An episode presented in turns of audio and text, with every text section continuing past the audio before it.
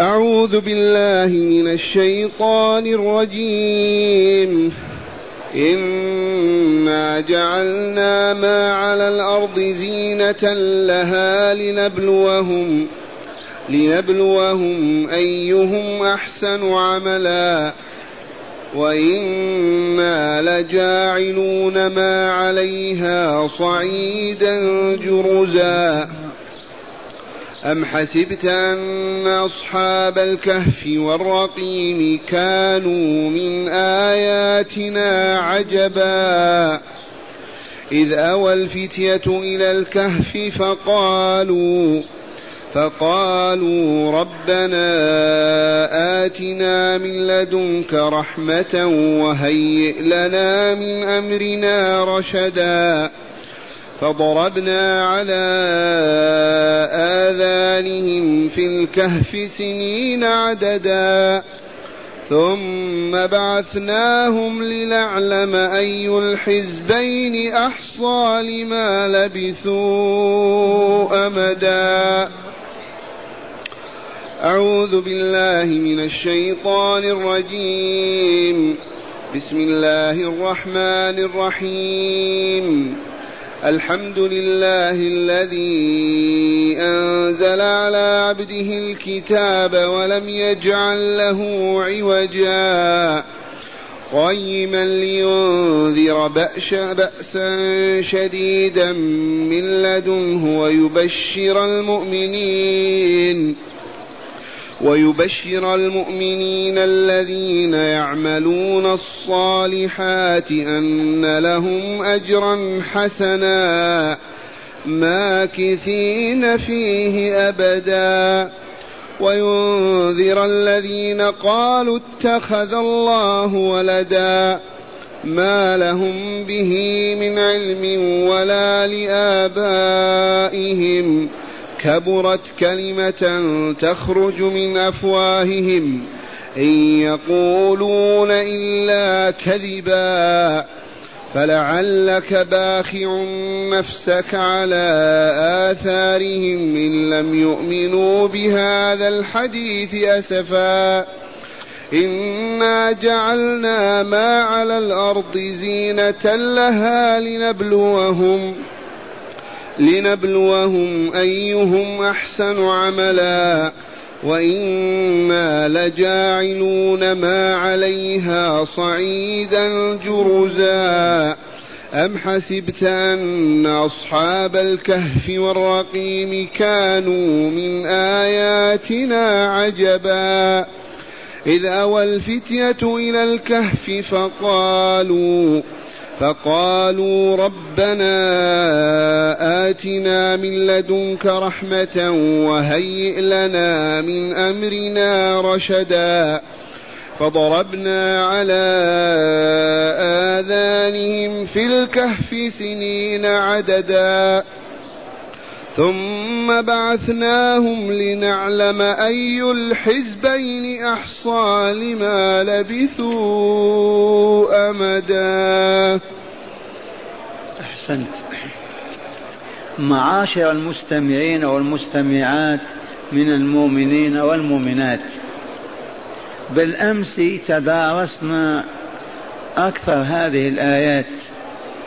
أعيد إلى أذهانكم أن الله تعالى حمد نفسه وهو أهل الحمد وأنه ذكر سبب هذا الحمد ألا وهو إنزاله القرآن الكريم على مصطفاه على نبيه محمد صلى الله عليه وسلم.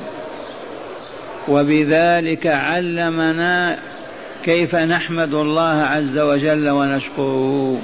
قولوا الحمد لله على هذه النعمة العظيمة التي لا نظير لها وهي إنزال هذا القرآن الذي في صدورنا وبين أيدينا أنزله على من اصطفاه واجتباه واختاره من عباده نبينا محمد صلى الله عليه وسلم.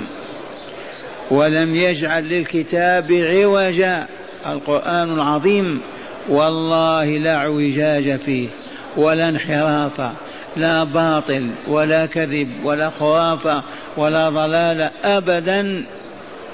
الله منزله يخبر عنه أنه لم يجعل له عوجا. فمن آمن به وأخذ يعمل بهدايته والله ما ينتهي مشيه إلا إلى دار السلام إلى الجنة. وعلل تعالى في ذلك فقال لينذر بأسا شديدا. أنزل الكتاب على رسوله لما؟ ما سبب ذلك؟ ما علته؟ قال لينذر بأسا شديدا من لدنه تعالى. هذا البأس العذاب الأليم قد يكون في الدنيا ينزله الله بالمشركين والمعاندين والمصرين والظالمين وأما عذاب الآخرة فهو حتم يقين. لينذر بأسا شديدا من لدن الله اولا ويبشر الذين يعملون الصالحات ويبشر المؤمنين الذين يعملون الصالحات. فعرفنا أن من آمن وعمل صالحا يبشر بالجنة. يبشره الله ورسوله والمؤمنون. فقط آمن وعمل الصالحات. وبالأمس عرفتم سر ذلك وهو أن إيمانه وصالح أعماله زكت نفسه طيبتها طهرتها أصبحت نفسه كأنفس الملائكة. يرضى الله أن تجاوره في دار السلام. وعرفتم الحكم الإلهي قد أفلح من زكاها وقد خاب من دساها. من زكى نفسه أفلح ولو كان أسود ولو كان أصفر ولو كان أبا لكافر أو أما لكافرة. المهم أن يزكي العبد نفسه. بما يزكيها بالماء والصابون لا. الماء والصابون للأبدان والأجسام لكن الأرواح ما تزكى بالماء والصابون بما تطهر إذا؟ بما تطيب. بهذه العبادات التي أنزل الله بها كتابه وبينها رسوله صلى الله عليه وسلم. من صلاة إلى حج إلى عمرة إلى كل العبادات إذا أديت بإيمان وإتقان وأحسن أداؤها والله لا تزكي نفس صاحبها حتى تصبح طاهرة كأرواح الملائكة. ثم قال تعالى ماكثين أي في ذلك الجزاء الحسن ألا وهو الجنة؟ ماكثين فيه أبدا؟ أهل الجنة يخرجون من الجنة؟ والله ما يخرجون. اعلموا أنه ليس هناك إلا عالمان عالم علوي وعامل وعالم سفلي. العلوي الجنة دار السلام التي عرضها السماوات والأرض وأعدت للمتقين. وعالم الشقاء أسفل في الدركات السفلى ألا وهو الجحيم والعياذ بالله. فمن دخل الجنة والله لا يخرج منها أبدا. ماكثين فيها أبدا. من دخل النار كما علمتم إن كان من أهل الإيمان والتوحيد ودخل النار بخبث نفسه فهذا يرجى له أن يخرج من النار يخرجه ربه ويدخله الجنة. بهذا أخبر رسول الله صلى الله عليه وسلم. ومن كان من أهل الشرك والكفر والنفاق فهو خالد في جهنم أبدا. وقوله وينذر الذين قالوا اتخذ الله ولدا أي من علة نزول هذا القرآن أيضا أن ينذر رسول الله بكلام الله المشركين الذين اتخذوا لله ولدا ونسبوه إليه. وبالأمس عرفتم أن قبائل من العرب كانوا يعتقدون أن الملائكة بنات الله. ومن أراد أن يقف على الحقيقة فليقرأ سورة الصافات في آخرها. وأما اليهود فهم يقولون إلى الآن العزير بن الله والنصارى يقولون عيسى بن الله. هؤلاء جاء القرآن ليبين خطأهم كذبهم افتراهم تعالى الله أن يكون له ولد وهو خالق الأولاد وأمهاتهم وبناتهم وآبائهم. كيف يتخذ ولدا؟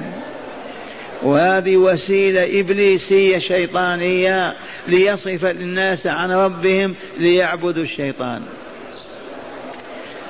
فقال تعالى وينذر الذين قالوا اتخذ الله ولدا ما لهم بمن علم. لما قالوا اتخذ الله ولدا من أين؟ من علمهم من أوحى إليهم.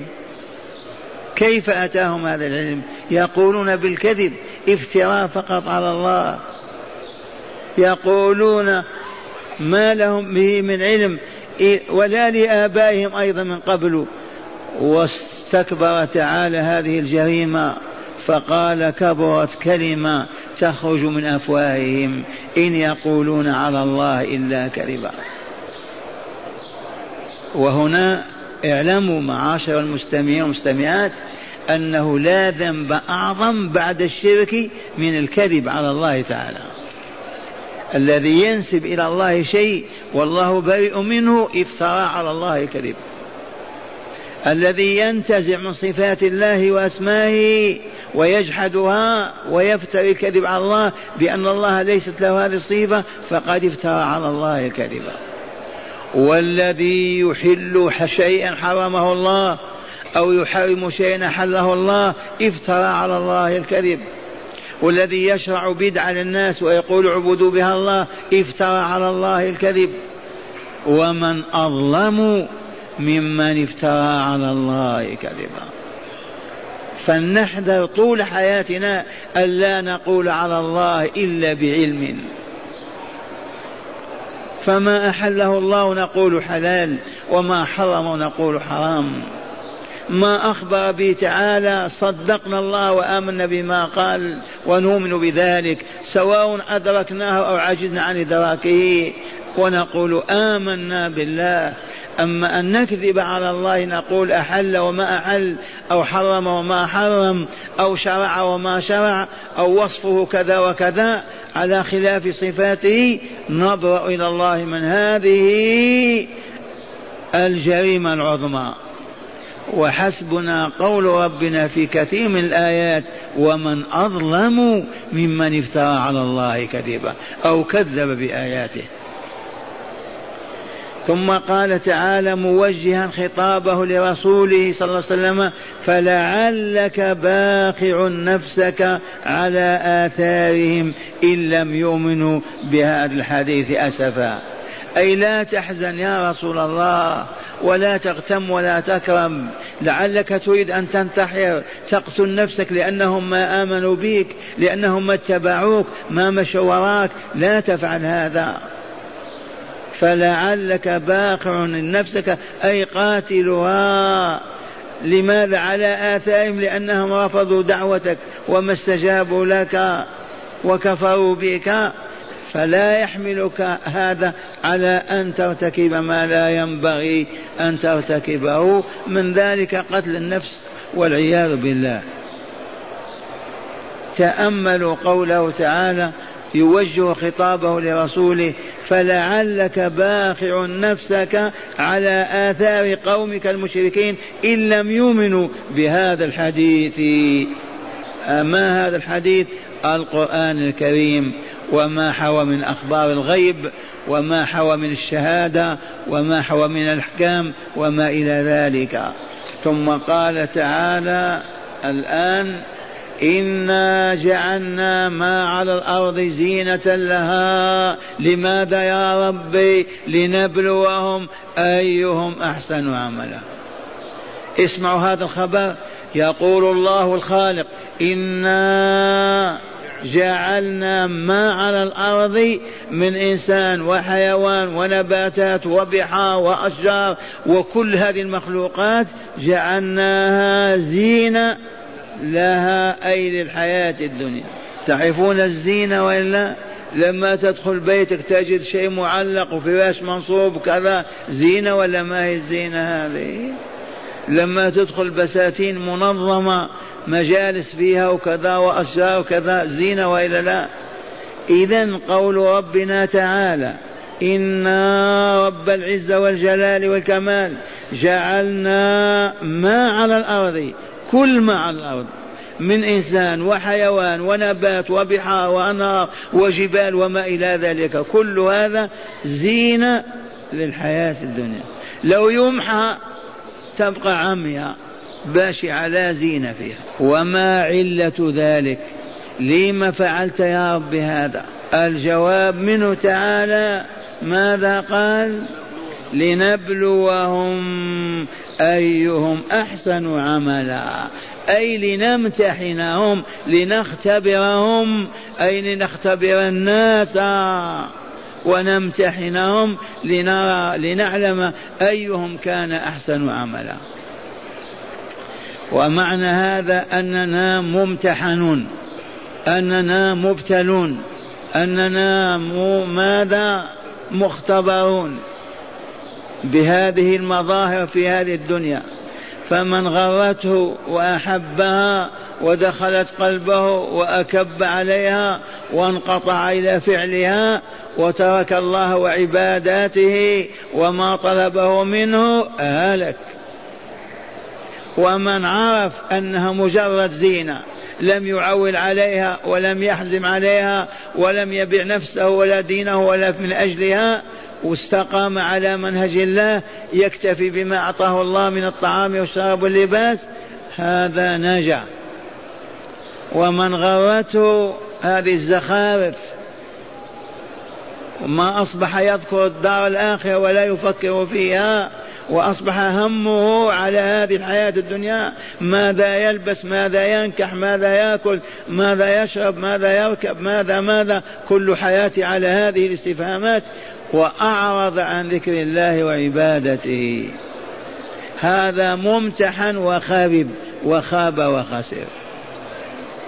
وتأملوا يرحمكم الله. اسمع الله تعالى يقول إنا جعلنا ما على الأرض زين لها. لماذا يا ربي؟ لنبلوهم أيهم أحسن عملا. من هم الذين احسنوا عملا الذين أقبلوا على الله والدار الآخرة. ما أعطوا همهم وكربهم وحزنهم كله لهذه الأوساخ العارضة التي تفنى وتزول. ذاك الذي يكون عمله أحسن وهو المؤمن التقي. المؤمن التقي هو الذي أحسن عملا. كافر فاجر مؤمن فاجر ما هو بمتقي ما هو لله بولي. هذا الخبر يأتي خبر ثاني. يقول وإنا أي رب العزة والجلال والكمال وإنا لجاعلون ما عليها أي ما على الأرض صعيدا جوزا. ما على الأرض كله سوف يصبح ترابا. لا نبات فيه ولا عشبة كل هذه الجبال والأنهار والأودية والبشر والحيوانات كلها تصبح والله قاعا صفصفا. لا شجر ولا نبت ولا ماء ولا مطر ولا إنسان ولا حيوان. هذا المصير والله لحتم. واسمع ما يقول تعالى وإنا لجاعلون ما عليها أي الذي عليها مما علمنا من إنس وجن وحيوانات ونباتات وأشجار. جاعلوه ماذا؟ صعيدا جوزا أرضا لا نبت فيها. الجوز الذي خلا من النبات. متى يتم هذا؟ عما قريب. الذي أوجده يعجز عن عدم إعدامه. ما هي إلا أيام أو ساعات. هكذا يقول تعالى وقوله الحق إنا جعلنا ما على الأرض زين لها لا تخدعنكم لا تغتروا بها جعلها ليبلوكم أيكم أحسن عملا فهيا نعمل على أن يكون عملنا أحسن الأعمال. متى يكون أحسن الأعمال؟ إذا وافقنا فيه كتاب الله وسنة رسوله صلى الله عليه وسلم. إذا صمنا كما هو الصيام وحججنا كما هو الحج وزكينا كما هي الزكاة وصلينا كما هي الصلاة على الوجه المطلوب كان عملنا حسنا. ومن أقبل على الدنيا وهي زخرف وهي كما قال تعالى إن لجعم عليها ما هي؟ وإن لا إن زينة لها. على الأرض زينة للأرض ولكن يوما سيأتي يجعله صعيدا جوزا. ثم قال تعالى يواجه رسوله صلى الله عليه وسلم بالخطاب أم حسبت أن أصحاب الكهف والرقيم كانوا من آياتنا عجبا؟ آيات الله أعظم من كونه يميت جماعة ويحييهم. البشرية كلها أحياها ويميتها ما في عجب. وأصحاب الكهف سبعة شبان. سبعة من الشبان المؤمنين. وجدوا في بلد حاكمها مشرك. واتبعه قومه. وعرف هؤلاء الشبان أن الشرك يهلك ويدخل النار. فماذا يفعلون؟ فروا هربوا من تلك المدينة. هربوا منها آواهم المبيت إلى غار في جبل. الكهف الجبل في غار. أو الكهف غار في جبل أو نفق في جبل. آووا إليه هاربين من الظلم والظالمين من إخوانهم المشركين الذين أرادوا أن يفرضوا عليهم الباطل والشر والفساد. فقال تعالى لرسوله صلى الله عليه وسلم أم حسبت بل حسبت أن أصحاب الكهف والرقيم. الكهف معروف الغار في الجبل والرقيم لوحة من من حجارة مكتوب عليها أسماء السبعة وحياتهم وما كانوا عليه وقومهم في كتابة واضحة على باب الجبل موجودة إلى الآن. الرقيم من رقم يرقم إذا كتب. أم حسبت أن أصحاب الكهف أي ذلكم الجبل الذي في غار دخل فيه الشبان هاربين؟ دخلوا فيه والرقيم هو اللوحة المكتوبة عند باب الجبل أو على سفحه ماذا تعالى يقول؟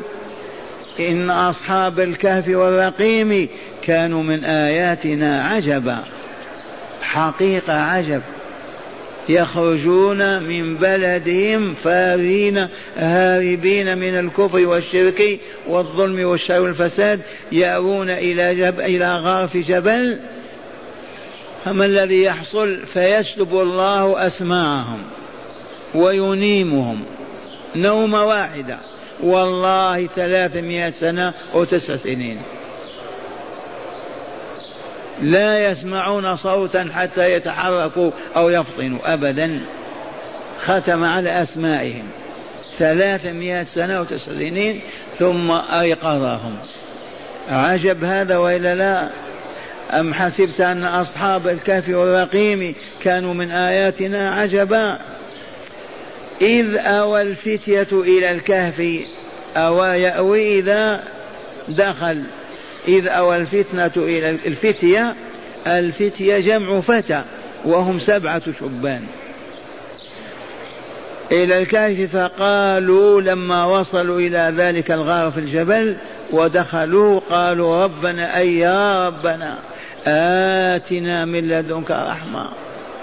سألوا ربهم ضارعين. أعطنا رحمة من فضلك. ارحمنا يا رب العالمين. وهيئ لنا من أمرنا رشدا. نحن هربنا من الكفر والشرك. فكن ولينا وارشدنا إلى ما فيه خيرنا وسعادتنا.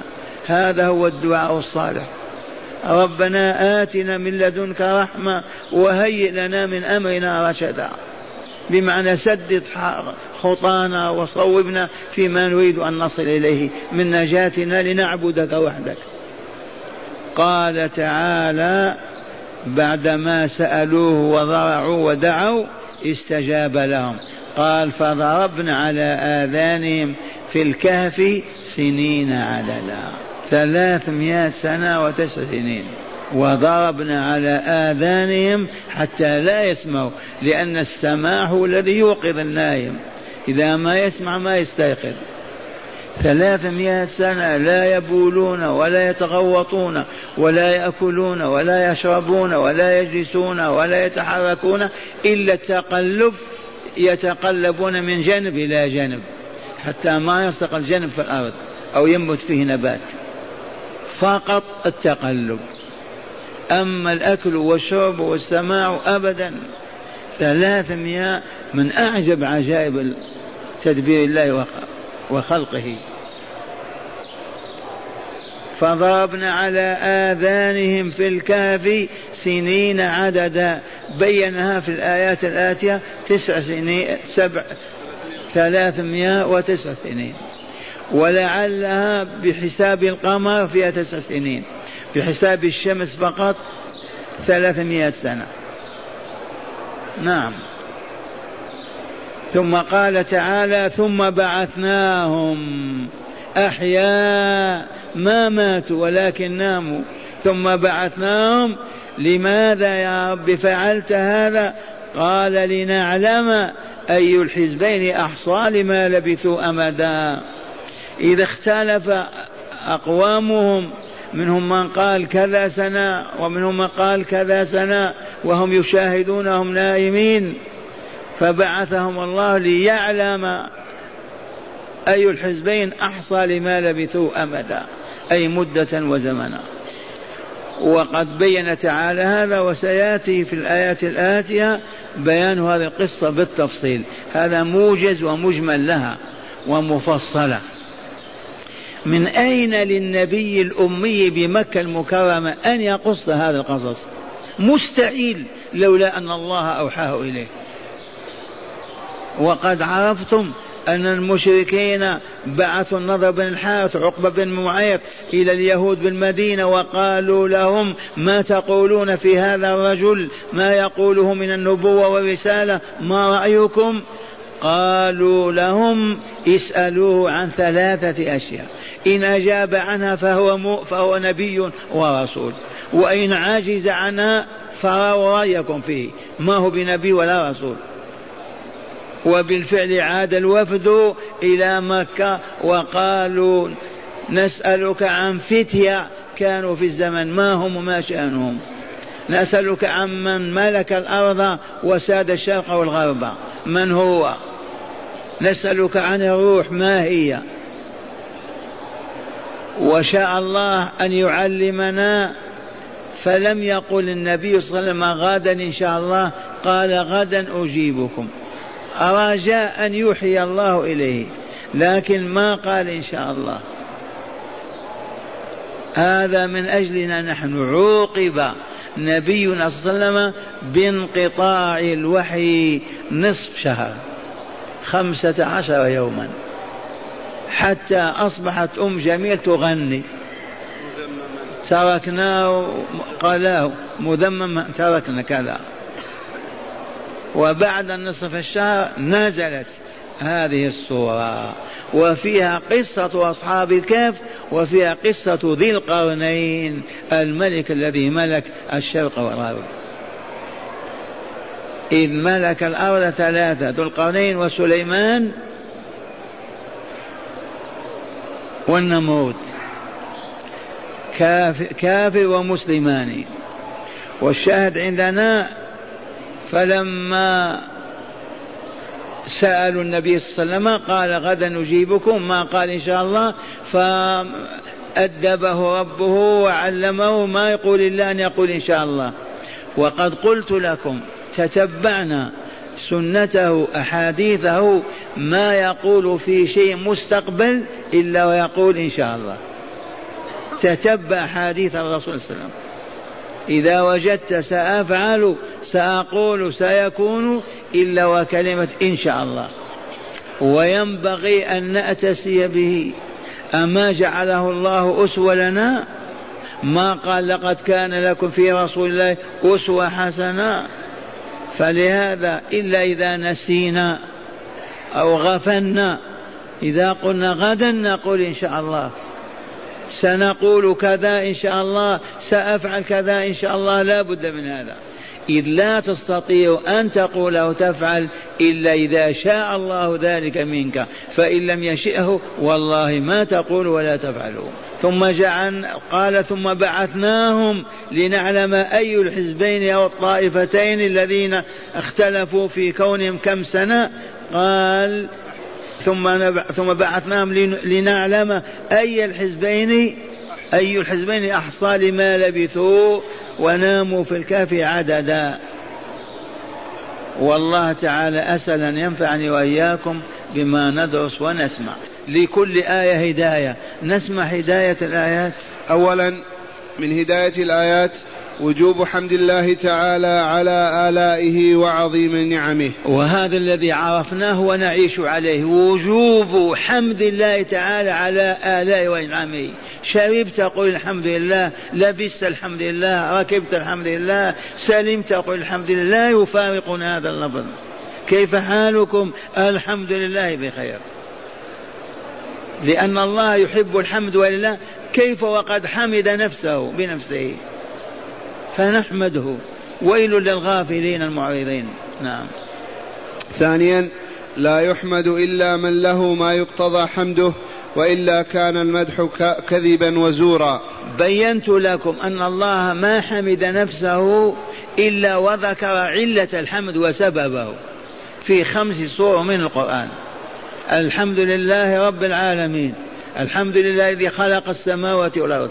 الحمد لله الذي أنزل على عبد الكتاب. الحمد لله الذي له ما في السماوات وما في الأرض. الحمد لله فاطر السماوات والأرض. ومعنى هذا قلنا لا نحمد شخصا بدون ما يستوجب الحمد. ابدا. إذا كان يستوجب الحمد حمدناه. أما أن نزور ونقول الباطل ونقول نشكر فلان ونحمد فلان هذا ليس من شأن أهل الإيمان والإسلام. لا يحمد إلا صاحب الحمد الذي يستحق أن يحمد.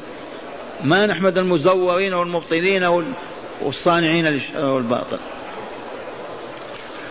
ثالثا عظم شأن القرآن الكريم. وسلامته من الإفراط والتفريط والانحراف في كل ما جاء به. القرآن الكريم كما أخبر تعالى ما فيه باطل ولا ولا ولا كله حق ونور وهداية أوامر تكاليف شرائع أخبار قصص خالي من شيء اسمه عوج. نعم.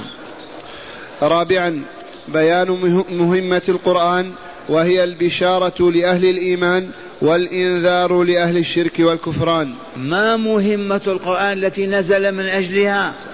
قال هي بشارة أهل الإيمان بالجنة دار السلام ونذارة أهل الشرك والكفر بالعذاب الأليم في دار البوار. ذي هي مهمته نعم. خامسا التنديد بالكذب على الله ونسبة ما لا يليق بجلاله وكماله إليه كالولد ونحوه. وقد بينا هذا أمس واليوم. يا عبد الله يا أمة الله لا تقل عن الله ما لا تعلم.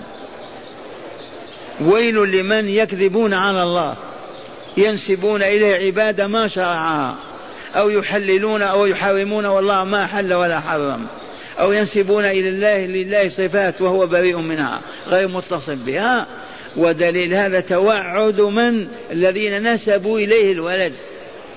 قالوا هذا ولد الله كذب وباطن وزورا فلا يحل أبدا أن يرانا الله نكذب عليه كذبا ومن أظلم ممن افترى على الله كذبا نعم سادسا تحريم الانتحار وقتل النفس من الحزن أو الخوف ونحوه من الغضب والحرمان. من أين أخذنا هذه الهداية؟ حرام الانتحار.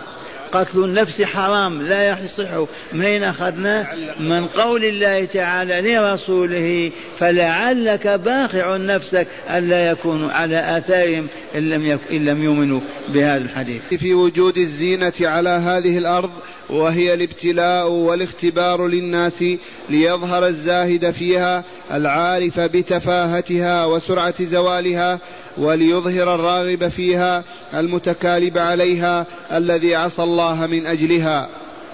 لو قيل لنا لما خلق الله هذه الأرض وأوجد في هذه المخلوقات؟ زينها بها وجملها وحسنها. انظر إلى الأنهار والمياه والجبال والبشر والحيوانات والمخلوقات هذه والطيور وهذه الأسماك هذه الزينة كلها ما سببها؟ ما علة ذلك الجواب؟ ليمتحن الله بها الناس. فمن عرف أنها فانية وزائلة واستقام على طريق الله نجا ومن أقبل عليها وتكالب عليها وعبدها وفرغ كل شيء لها فهو من الخاسرين والعياذ بالله. تقرير فناء كل ما على الأرض حتى تبقى صعيدا جرزا وقاعا صفصفا لا يرى فيها عوجا ولا أمتا. قرر الله تعالى أن هذا الجمال وهذه الزينة كلها سيأتي يوم والأرض كلها صفحة بيضاء. ما فيها تل ولا جبل ولا ماء ولا إنسان ولا حيوان. كرقعة من القماش. وبعد ذلك كما علمنا ينزل ماء من السماء كمني الرجال فتنبت الخليقة. كما ينبت البقل والبصل والثوم. لما يكتمل خلقها تحت الأرض ينفخ إسرافيل الأرواح التي هي في مستودع في الملكوت الأعلى والأسفل وإذا بكل روح تدخل في جسمها. نفخة أخرى وإذا هم قيام ينظرون. نعم.